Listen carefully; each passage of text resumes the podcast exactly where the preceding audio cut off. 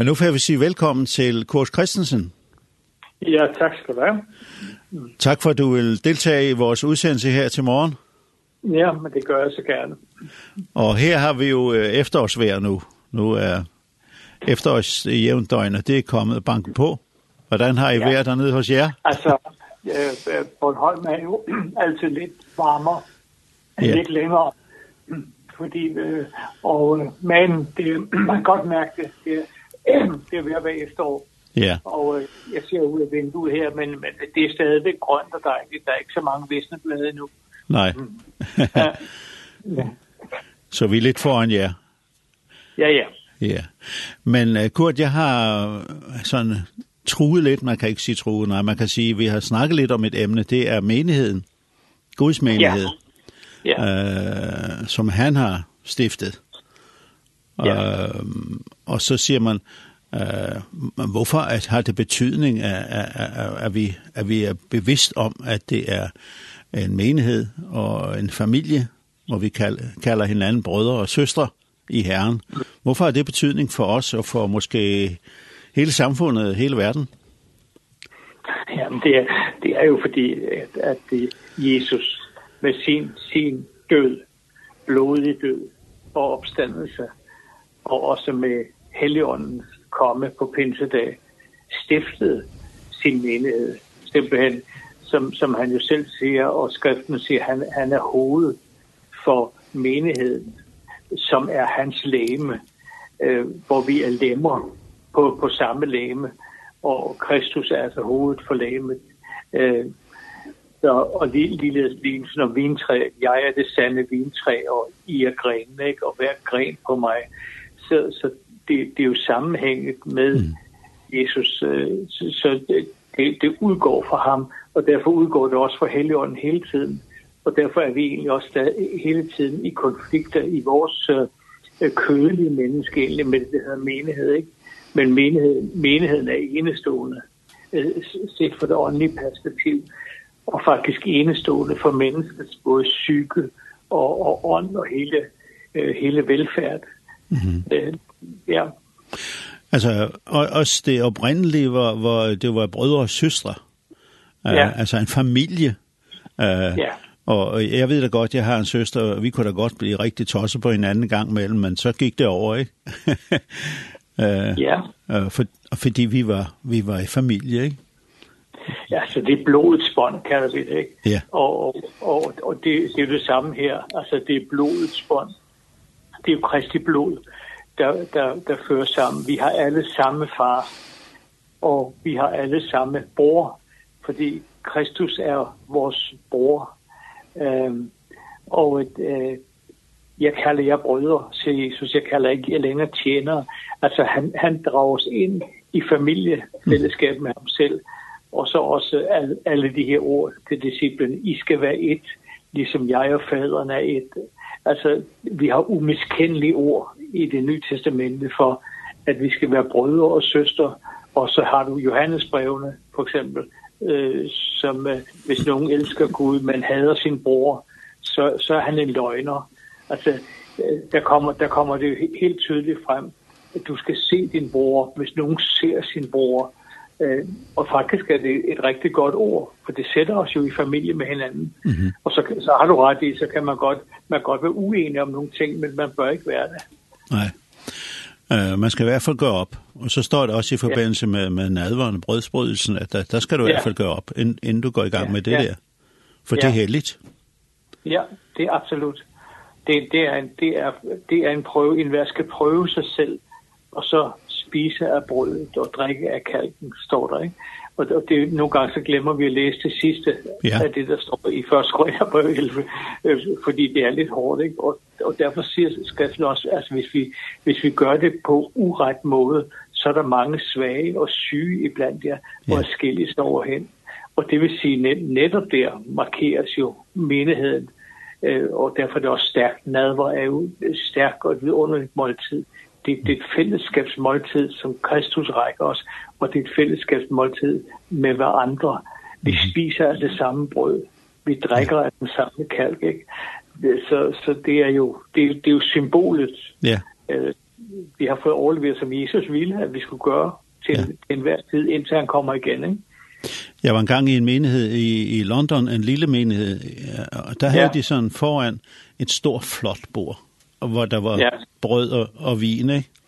Og ja. så kom man frem der, og så bad man for hinanden, uh, mens man ja. stod der og velsignede hinanden. Altså, det tog ret lang tid, men det var utrolig rørende og, og gjorde meget for mig. Altså, at stå der sammen med ja. mine brødre og søster. Ja. Jeg kendte mig og aldrig set dem, men jeg fik jo mange velsignelser øh, ja. fra dem, og jeg følte mig utrolig velsignet der. eller jeg og min kone, vi følte så velsignet at gå ud derfra, fordi vi var blevet, ja. Ja. wow, ja. vi var en del af det her. ja. Selvom de aldrig har set os før. ja, ja, Det er noget skønt i det. Det er ja. også det, jeg har oplevet, når jeg rejst rundt i verden, ikke? Altså, og møde brødre og søstre øh, langt ude i bushen, øh, et fællesskab. Det, det, det er mirakuløst simpelthen. Ikke? Ja, det, det kan jo ikke gøres på anden måde. Uh, um, vi kan se, når vi læser i, efter menigheden er uh, blevet levende i uh, Apostlenes Gerninger, kapitel 2, ja. uh, så kommer der en, en uh, alle de troende havde alt til fælles, ja. uh, og så videre, de delte tingene, og de var med, og, og alt var bare fryd og gammel. Ja, de så også solgte, så solgte de ja. øh, ejendom og, og så videre. Og, og jeg vil næsten sige heldigvis, for i år 70, så blev Jerusalem ødelagt. Øh, og så, så, så, så havde de solgt det og givet det til Guds værk. Det er sådan en anden historie. Ja, og det er, det er også det er tankevækkende. Øh, ja. Og så det var liksom og så sker det der sker en, en stor respekt rundt om dem fordi folk kan se de gør det der. De hjælper ja. hinanden altså. Ja. Der er ingen, der skal... Der, havde, der var ikke noget socialkontor i Jerusalem dengang. Øh, Nej. Alle måtte bare klare sig selv. Men pludselig var ja. der nogen, der ikke gjorde det mere. Ja. Dem har jeg gjort et kæmpe indtryk på hele Jerusalem, ikke? Ja. Eh Jamen, altså, det, det, der er ingen tvivl om, at det, for, for det første så var det ikke alene det, men det var jo også, det var Helligåndens nærvær i de mennesker, der simpelthen skabte en respekt. Der skete jo også mange mirakler ja. øh, gennem posten og, og den første menighed. Ikke? Og, så, og man kan også se, hvor, hvor følsomt det var, da Ananias og Safira, de har besluttet sig for at lyve. Altså, de, de havde jo ret til at gøre med, med deres ejendom, hvad de ville, men de kom og lagde det for apostlenes fødder, og så sagde det Peter, det var, var, var det det, I fik fra ejendom? Ja, ja, det var det, men de havde beholdt noget selv. Det havde de ja. også ret til men synd var at lyve, og, og faktisk var Helligånden så stærk. Der var altså menighedstog, de, de faldt døde om begge to. Ja. Altså, hvis, hvis det var sådan i dag, så tror jeg, vi faldt døde om alle sammen. jeg tror ikke, der var nogen tilbage. Nej. Men, men også den der udvikling, så, så sker, hvor, hvor, hvor der begynder at blive uro i rækkerne med, med nogen, der synes ikke, ja. de får godt nok og så videre. Men så pludselig er der nogen, ja. der står frem i myndighed. Ja. Det, så er der det nogen, der, har givet en myndighed ja, men altså, de, de, altså posten søgte herren, og det var, det er fordi, der var jo den sociale del af det også, som øh, jo også mange lignede har over jorden, øh, ud over jorden, men, men det var den sociale del, og så var det, at øh, pludselig så, at de var selv med at dele det ud, og der, der noget talte i det. Apostlene var ikke bare sådan fredet inde i en enklave. De var ude på gaden, og de delte ud til de fattige. Men pludselig indså de, at det ikke er ret, at vi forsømmer Guds ord og bønnen, og det er faktisk stærkt, for at dele ud i bordene. Ikke? Og så havde Helligånden talt til dem, udtalt mig nogle mænd øh, til at være menighedstjenere. Og så udtog de nogen, og det var, det var Helligåndens værk, og det var altså ikke hvem som helst, der var menighedstjenere. Stefanus var jo en af dem. Ikke? Ja. Øhm, så, så, og, og det er faktisk et princip, vi har fulgt, at vi øh, og næsten bør følge. Der er nogen, der må hellige sig Guds ord, og bønnen, det må vi alle sammen, men altså nogen, nogen der tjener med Guds ord, og så har vi, det har jeg været med til gennem hele mit liv, så har vi en flok menighedstjener, som, som øh, opfører sig ordentligt, øh, og forstår selv at opdrage deres familie, og så er de med sammen med alle tjenester til at være ledere for en menighed. Det, det er det ideelle mønster. ja. Um, Hvis vi går lidt, løber lidt i det, så kommer vi frem til Matthæus kapitel 16, hvor, hvor ligesom den her bekendelse kommer, at du er Kristus, Guds, ja. der, leve, du, der levende Guds søn. Ikke? Ja. Og så på, på den bekendelse skal vi bygge menigheden. På den bekendelse ja. af Kristus. At den, er, og ja. så den, ham, han som har været fra begyndelsen af, ja og, og er og, og altid vil være, ikke? Ja, ja. ja. Det, det er det, vi bygger på, ikke? Ja. Jo, det, det er jo det, jeg også siger, Tom, jeg mener det der, hvor Jesus siger også, at du, du er Petrus, du er en lille sten, og på den klippe vil jeg bygge min menighed, fordi han aflagde den bekendelse, du ja. er Kristus, ja. søn. Så det er den grundlæggende bekendelse ja. i, i, den, i den sande menighed, ikke? Ja, og det, det, det, har, det er ikke noget menneske, der har der har øh, sagt det til og det er simpelthen direkte for Helligånden, for min far. Det er ham, der åbenbarede ja. det. Ja. ja. Så Peter, han blev ikke høj i hatten. Nej, Nej. Øh, det gjorde han ikke, og senere forrådte han altså også Jesus, øh, ja. og, og, og, og blev genoprettet, ikke? og, ja. og blev en, en stor apostel. Så hans historie kender vi, tror jeg. Ja. Men, men det, er det hele tiden, altså, for mig se, er det hele tiden det her med, med Helligåndens nærvær, fordi Helligånden er givet. Den er givet til alle mennesker, men den er givet til menigheden, for at menigheden skal opbygges ved Helligåndens kraft. Og, og det er derfor, der, der er givet nådegave, og der er givet tjenester for at opbygge de hellige. Så det er, og hvis man ligesom glider væk fra det Helligåndens værk, og det bliver menneskeligt og sjæleligt, så er det, at det kører, det kører skævt simpelthen det, og, jeg ser du selv alle vejen og prøver af alle magt at sige, vi brødre og søster, kom nu, lad os søge Herren, lad os søge Helligåndens liv, lad os få livet ind i os, fordi det er ligesom, nogle gange så glider det ud, også i, i alle mulige optræden, og der er mange gode talenter, men, men det er ikke nok i en menighed bare at have talenter, der kan synge og spille, og mm. også godt tale. Det vi har brug for, det er Helligåndens vidnesbyrd, der, ja. der rører hjerterne. Ikke? Ja. Ja, hvis du tænker på Babelstårnet, ikke sandt, så, så siger Gud, ja. det er i stand til hvad som helst. Ja. Det må vi stoppe det der, det kan ikke. Det kan, det ja. kan ikke det kan ikke gå. nej, nej, ja. nej, og det viser, det viser menneskets øh, magt, ikke? Ja. Mm -hmm. øhm, menighedens tilstand i dag, det, det kan man selvfølgelig ikke udtale sig generelt om, men, men øh, man, på, prøver man at komme ind og begynde at ligne verden lidt? Altså, ja, det, det, det er jo det, altså, jeg, kan, jeg kan jo heller ikke, altså, hvem er jeg, at jeg skal kunne udtale mig om menighedstilstand. Jeg ved jo bare, der hvor jeg selv nu er for øjeblikket, det er jo der, jeg, jeg lever og, og, og, og måler, hvor, hvor, hvor jeg mener, at det er væsentligt for lederne, det er at have bedømmelsens gave. Altså, så ikke man, man lukker alt muligt ind, for det er, det er jo fuldstændig rigtigt. Altså, vi, vi har en modstander af menigheden. Der er en fjende, der vil dræbe Guds menighed simpelthen, og sætte alle mulige kiler ind. Og, og der er slet ingen tvivl om, at øh, verdensånd i den grad trænger sig ind i menigheden, i hvert fald nogle steder, og, øh, og, det, og det, bliver mere, det bliver mere værtsligt, øh, end det bliver åndeligt. Ja. Og, det er, og det, men det er faktisk vores kamp hele vejen igennem. Ikke? Men vi har jo en moderne tid, også med en moderne teknologi, som, øh, både er positiv, men også er negativ. Øh, øh, og vi har også mange mærkelige fænomener, fordi der, jeg tror faktisk, det er også min oplevelse her, der er mange mennesker, der har et åndeligt instinkt, og det er som om, at øh, ånden er vagt i mange mennesker, men de kommer ikke til menighederne. Mm -hmm. Og der er, det, der er det, vi stiller det her store spørgsmål. Hvorfor kommer, og vi har også alfa-kurser og alt muligt, men, men, men dem, der går på kurser, også kommer til tro, de kommer mærkværdigvis nok ikke til menighederne. Øhm, og der, er det, der synes jeg, at det er en udfordring. Hvad, hvad er det, der gør det?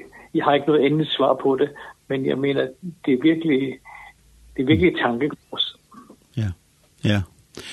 Um, er det for mig sagt, at hvis, hvis du er en del af en menighed, så når du kommer og er sammen med brødre og søstre der her, så egentlig står du op og bekræfter Jesus døde på korset. Ja Han gav ja. os dette hvilested, han gav os dette kraftcenter.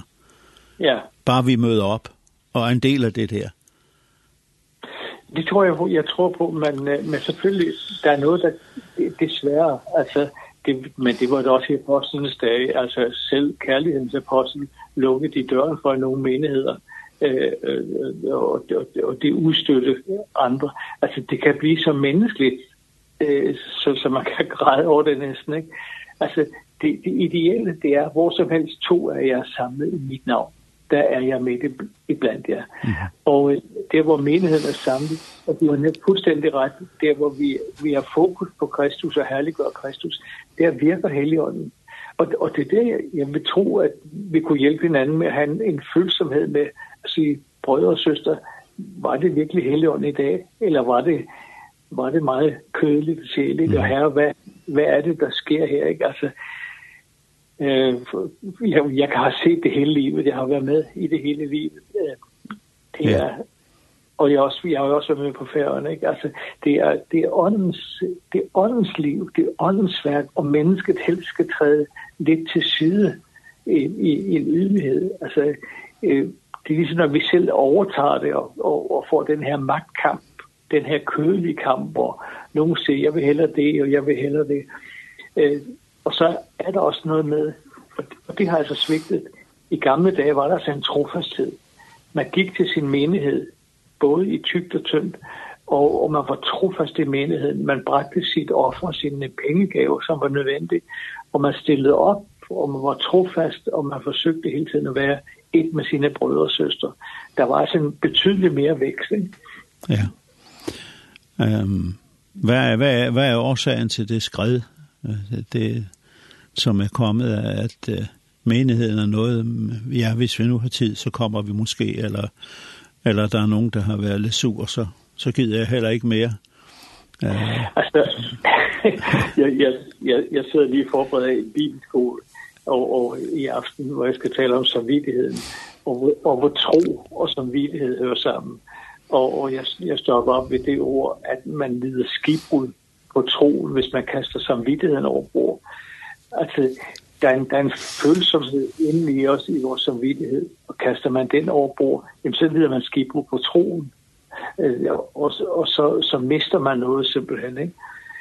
Øhm, altså, ja, for mig at se, så er det, det, det drejer sig om, det vigtigste i menighed, det er forkyndelsen.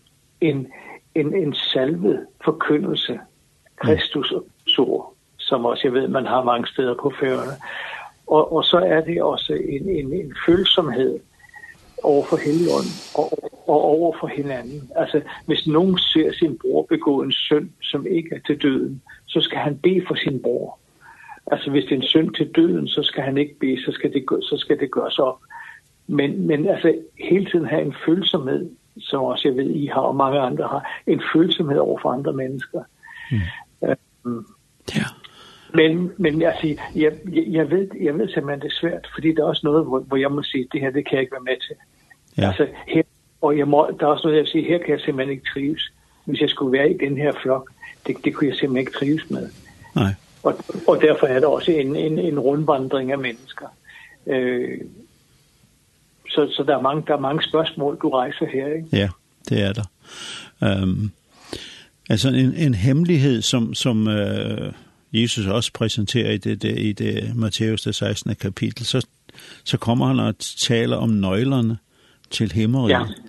ja. Og det er givet os. Hvad, hvad ja. ligger i det der? Ja, ja, nøglerne, det er jo til at, at låse op, og så er det faktisk også, hvad I binder på jorden. Det er bundet øh, i himlen, og hvad I løser på jorden, det er, det er løst i himlen. Ja. Og, og, og det, er Christ, det, det er jo Kristus, der er nøglen, simpelthen. Og, og, og nøglen er jo nøglen er Helligånden, for Helligånden, der, der, der er givet til os. Og, øh, og dermed har vi, også, vi har en myndighed i Kristus. Vi har, vi har en myndighed til at, at meddele syndernes forladelse til de andre synd. Ja. Vi, er, vi, er, og vi har også en myndighed i den åndelige verden, som måske lidt for sjældent bliver brugt over de dæmoniske kræfter. Ja. I Kristus, der er altså en, der er en salvelse og en myndighed, der er givet til menigheden. Ja.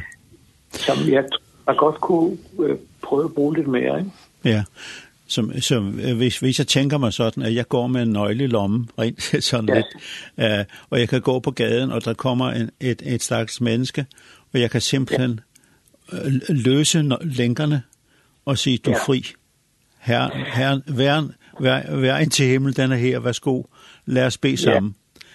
Det er så jeg, jeg, jeg, jeg tror på den myndighed, jeg kunne godt ønske mig noget mere, altså, øh, men jeg tror på, altså, og det, det er klart i sagens natur, Kristus er herre i himmel og på jord og under jorden. Ja. Og du Kristus, og Kristus er i dig. Det vil sige, du har en, du har en, du har en myndighed, en udstråling og et liv, som, som, som står over det værtslige og det dæmoniske liv. Altså, du har, ikke, du har ikke selv en myndighed i Kristus, og jeg tror godt, vi kan lære hinanden at bruge den myndighed noget det er og, og sige i Jesu navn. Ikke? Altså, der ligger en myndighed simpelthen i Jesu navn. På syge skal de ligge hænder i mit navn. Ikke? Ja. Og, og, og de skal blive raske. Og, og hvad jeg har, det giver jeg dig i Jesu Kristi Nazareans navn. Stå op og gå. Altså, der, der ligger en myndighed i at færdes i dit navn. Ja. Og det er også derfor, at skriften siger, at I skal, vi, I skal samles i Jesu navn. Ja. Altså, det, og der, der ligger myndigheden. Ikke? Altså, Kristus i centrum. Ja. Absolut. Kristus er hovedet. Og, og det skal vi hele tiden tænke på, hvilket vi er væk med alle mulige psykologiske snak og, og alle mulige ting. Det, det er Kristus, der er nummer et. Mm -hmm. um, jeg, jeg, jeg tænkte lidt på dimensionen, altså hvad er Jesus, altså hvad er Kristus, er skaberværket ja. og, og, og størrelsen og mægtigheden og alt det der. Vi befinder os på den lille prik, der hedder jorden, ikke? Ja. Og så, så hvis man kigger ud i universet, og, og, og man læser om, hvad de, hvad de nu kom frem til, af, af længder og størrelser og bredder og sådan noget, som man ikke ja. gitter, gætter på hele tiden, og det bliver hele tiden større og større, ikke? Ja. Så, så, er det, så er det så enormt, at vores små hjerner kan overhovedet ikke rumme noget af det. Uh, og, så, og, så, og så står der, at uh, det sidste nye, det er, at man siger, Big Bang, ja, okay, Men der var noget før Big Bang, men vi ved bare ikke, hvad det er. det, det, Nej, altså, det, det, det, er man, det er man kommet til i dag, ikke? Vi ved ja, ikke, hvad det er. Ja. Nej, men altså, et, et, og der har du før uh, Johannes Evangeliet, som så, ja. så magtfuld ikke? i begyndelsen var ordet. Og, og det var før begyndelsen, altså før ja. himmel og jord blev skabt. I begyndelsen var ordet, ja. og ordets overskud, det er Kristus simpelthen, ikke? Ja. Han, han var der, han har altid været der har ja. skabt det. Derfor er det også indestående, at det er til denne her jord, ja. Kristus kom, ikke? og ja. og gav sit liv og blev sonoffer for vores sønner. Det, det er jo fantastisk. Netop, som du siger, i det, i det store univers, så var det, var det var det verden, således elskede Gud verden. Altså, han elskede os her på jorden og gør det stadigvæk. Han gav sin søn, ikke? Ja, og, og, og han blev slået, sparket, spyttet på og så videre ja. for vores skyld, altså. Ja, ja. Uh, han, frelste, han frelste simpelthen menneskeheden ja. i blod, og den her mærkelige menneskehed, ikke? Hvor, hvor, hvor, hvor, hvor synden og frafaldet i den grad florerer ja. så stærkt, når ondskab hersker i stedet for kærlighed ja. Ja, og noget. Så jeg tror, Jesus beder hæftigt i himlen for, for jorden, fordi det er ham, der ejer det. Ja. Altså, det tilhører ham, og menneskeheden tilhører ham simpelthen, ikke? Når vi for eksempel i de her dage, hvor, hvor vi hører så meget om Afghanistan og Taliban, ja. så, så du og jeg, vi er jo ikke i tvivl. Jesus har svaret, Kristus har svaret derude, og, ja. og så fokuserer. Men det er jo svaret altid. ja, det, jamen det er det. Der er ja. kun et svar det er jo, Kristus er svaret på alt faktisk, ja. øh, uden at man, man citerer det som en remse, ikke? Ja. Men når man, når man tænker efter, som vi faktisk gør her, det vi reflekterer på nu, det er, vi reflekterer på, det er Kristus, der er hovedet for menigheden. Ja. Det er Kristus, vi fokuserer på. Altså, det er hans navn, der skal æres, og det, det er heligånden, som han har givet os, der herliggør Kristus. Det, det er det, vi giver rum for. Og det, og det er her, det er simpelthen her, det er omkring os. heligånden er i os, heligånden er over. heligånden er alle steder af verden. Og så den proklamation, der også er, at dødsrigs porte skal ikke få magt over menigheden. Ja, ja. det, det er jo en vældig proklamation, som står dag i dag. Den står jo i dag. Det er jo ikke forandret. Det kan den. Jamen det kan den ikke, fordi Kristus er opstået fra de døde. Ja. Og i, i, i virkeligheden dør vi ikke. Altså, læme dør, men vi lever videre i samme øjeblik. Ja. Altså, fordi Kristus er opstået fra de døde. Altså det, øh, han har simpelthen i den grad sejret over døden, ikke? og han har befriet alle dem, der har dødsfrygt, og som hele deres liv har været plaget af det, dem har han befriet, fordi han har sejret over døden, og du, du skal ikke dø, du skal leve i evighedens evighed. Der kommer det punkt, hvor vi forlader jorden. Ja. Men i samme øjeblik, så lever du videre. Det, det er det evige liv, ikke? Kristus ja. har givet. Ja. Og til, til, måske til sidst her, så lidt fra Efesus-brevet, hvor, hvor, hvor, ja. Paulus også snakker om, hvad, hvad Gud har givet til menigheden, for at menigheden ja. skal vokse. Uh, ja. Han har givet apostler og profeter, han har givet evangelister, han har givet hyrde og lærere, for at menigheden ja. skal vokse. Og det vil sige, han har sat det ind i her. Altså det er ikke ja. noget, vi sådan ligesom selv finder på. Han har plantet ja. der. Ja. ja. Og vær bevidst om, at det er der. Ja. Jamen det er det er det og det det er jo altså det er jo det det, det er jo talenter. Det er nådegaver. Det er alt det hvad, hvad Helligånden giver. Ja. Og, og øh, det, det er jo, vi, vi, vi taler jo meget om det og underviser om det hele tiden.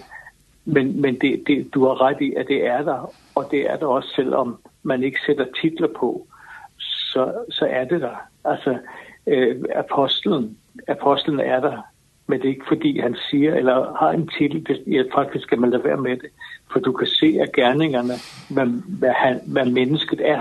Mm -hmm. Du kan se af gerningerne, hvad talenter og hvad kaldes et menneske har. Man behøver ikke at, at, at sætte etiketter på det. Nej. Så Guds, øh, altså, Efeserbrevet hele taget er jo fantastisk om, omkring ja. menigheden, altså. Ja. Det er sin drejebog, kan man måske ja, sige. Jamen, det er det jo. Det er, ja. det er en menighedsskrift i den grad. Ikke? Ja. Og, og, og, og, ham, som, ham, der, og Paulus, har skrevet det, han, han tog sig afsked, og han vidste, at han skulle et eller andet sted hen, og de prøvede at forhindre ja. ham, men der var ikke noget at gøre. Helligånden har drevet mig. ja, ja. Det må man sige. Ja. Det, det, det er utroligt. Ja, det er næsten ja, umenneskeligt. Og, jo, og så kalder han de ældste til sig, ikke? Og, og, og og siger, nu overgiver jeg jer til Herren og menigheden her til jer, ikke? og I skal vogte Guds menighed, som han købte med sit eget blod. Altså, ja. det, er så, det er så smukt alt sammen. Ikke? Så, ja. ja. Og han snakker også om, der kommer prøvelser, der kommer ulve, der kommer ja. det eller andet. Vær nu klar. ja, ja. På den tid var man, mange måtte give et livet for deres tro. Ja. Og, og, og, og det hører måske også lidt med, at vi lever rimelig fredeligt i vores del af verden. Vi har ingen forfølgelse. Vi har egentlig ikke ret mange kampe. Vi har ikke mange økonomiske problemer Nej. i, i, i vores del af verden, og heller ikke på færgerne. altså, det er som om, vi, vi behøver det ikke rigtigt. Vi behøver ikke rigtigt søge ind til Gud. Det gjorde de sandelig dengang, ikke? Ja. Også fordi der var en trussel over dem hele tiden. Ja. Og, og det, det kostede noget at bekende sig til Kristus. Ja, det gjorde det. Kurt, vi kunne sikkert tale længe om det her. om menigheder. ja. Det kunne vi, men, men uh, jeg synes, vi kom lidt rundt her og, og fået sat ord på nogle ting. Ja. Og, og at, at Gud skal velsigne sin menighed ved Helligåndens kraft. Ja, vi det var det vores bøn over os overalt på færøerne, at Helligånden hviler over alle menighederne, samkommerne, som det hedder der, ikke? Ja. Altså, Helligånden hviler over alle menighederne, og så også, at menigheden dog kan finde sammen i en enhed i Kristus. Ja. Det, det er i hvert fald min store ja. drøm. Jeg tror, jeg skal slutte af, og, og så spiller vi et, et musikstykke, der hedder Jesus Paid It All. Han betalte for det hele. Ja. Han betalte for det hele. Ja. ja. Det prøver vi. Og tak for her til morgen, og helt rundt om ja. dig. Ja, Guds fred. Ja, Guds fred. Ja, hej.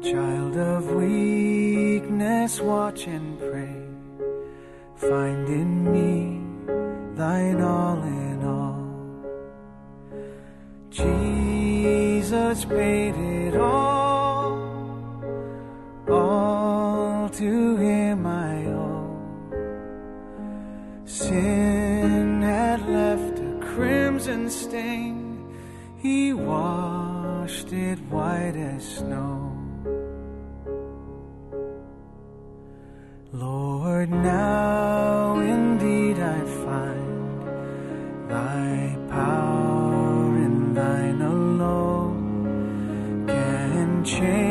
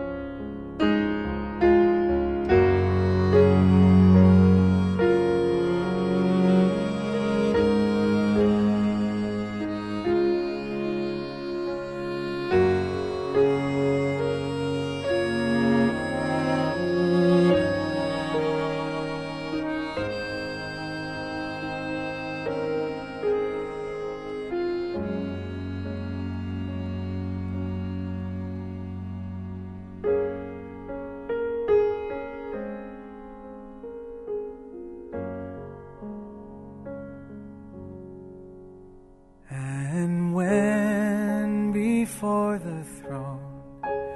I stand in him complete.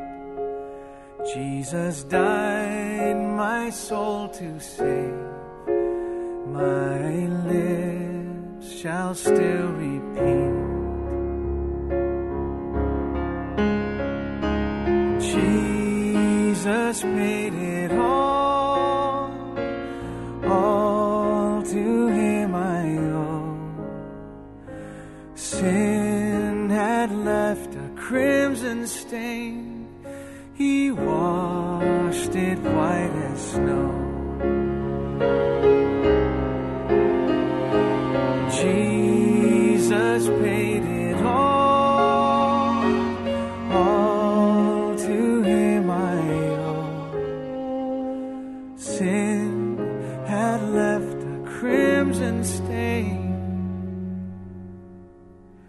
He